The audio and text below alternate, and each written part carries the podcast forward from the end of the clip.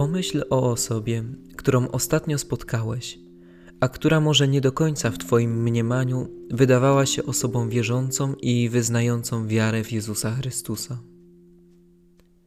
Popatrz na nią i przypomnij sobie, jakie myśli Ci towarzyszyły, gdy ją zauważyłeś. Byłeś zbulwersowany, zgorszony, było Ci smutno, a może pomodliłeś się w tym momencie za tę osobę.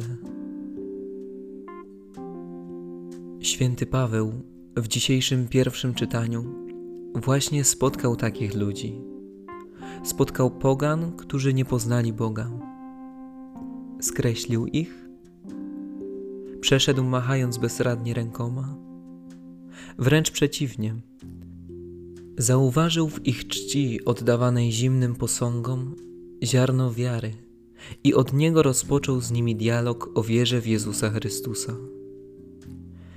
Nie wszyscy posłuchali. Część odeszła, kiwając kpiąco głowami. Ale niektórzy z nich przyłączyli się do niego i uwierzyli w naukę o Zbawicielu. Może warto przyjąć dziś postawę Pawła. Nie skreślać kogoś z tego powodu, że nie miał on od kogo usłyszeć nauki o prawdziwej miłości Boga. Nie skreślać, lecz patrząc oczyma Chrystusa, przygarnąć każdą zbłąkaną owieczkę. Może oglądałeś ostatnio filmik, który obiegł całą Polskę. Starsza pani całująca nogi młodej dziewczyny, która wykrzykiwała wulgaryzmy i przeszkadzała w modlitwie. Przecież czyn tej staruszki to heroizm, postawa, której nigdy nie osiągnę wyjść przeciwko komuś, kto mnie obraża i uklęknąć przed nim?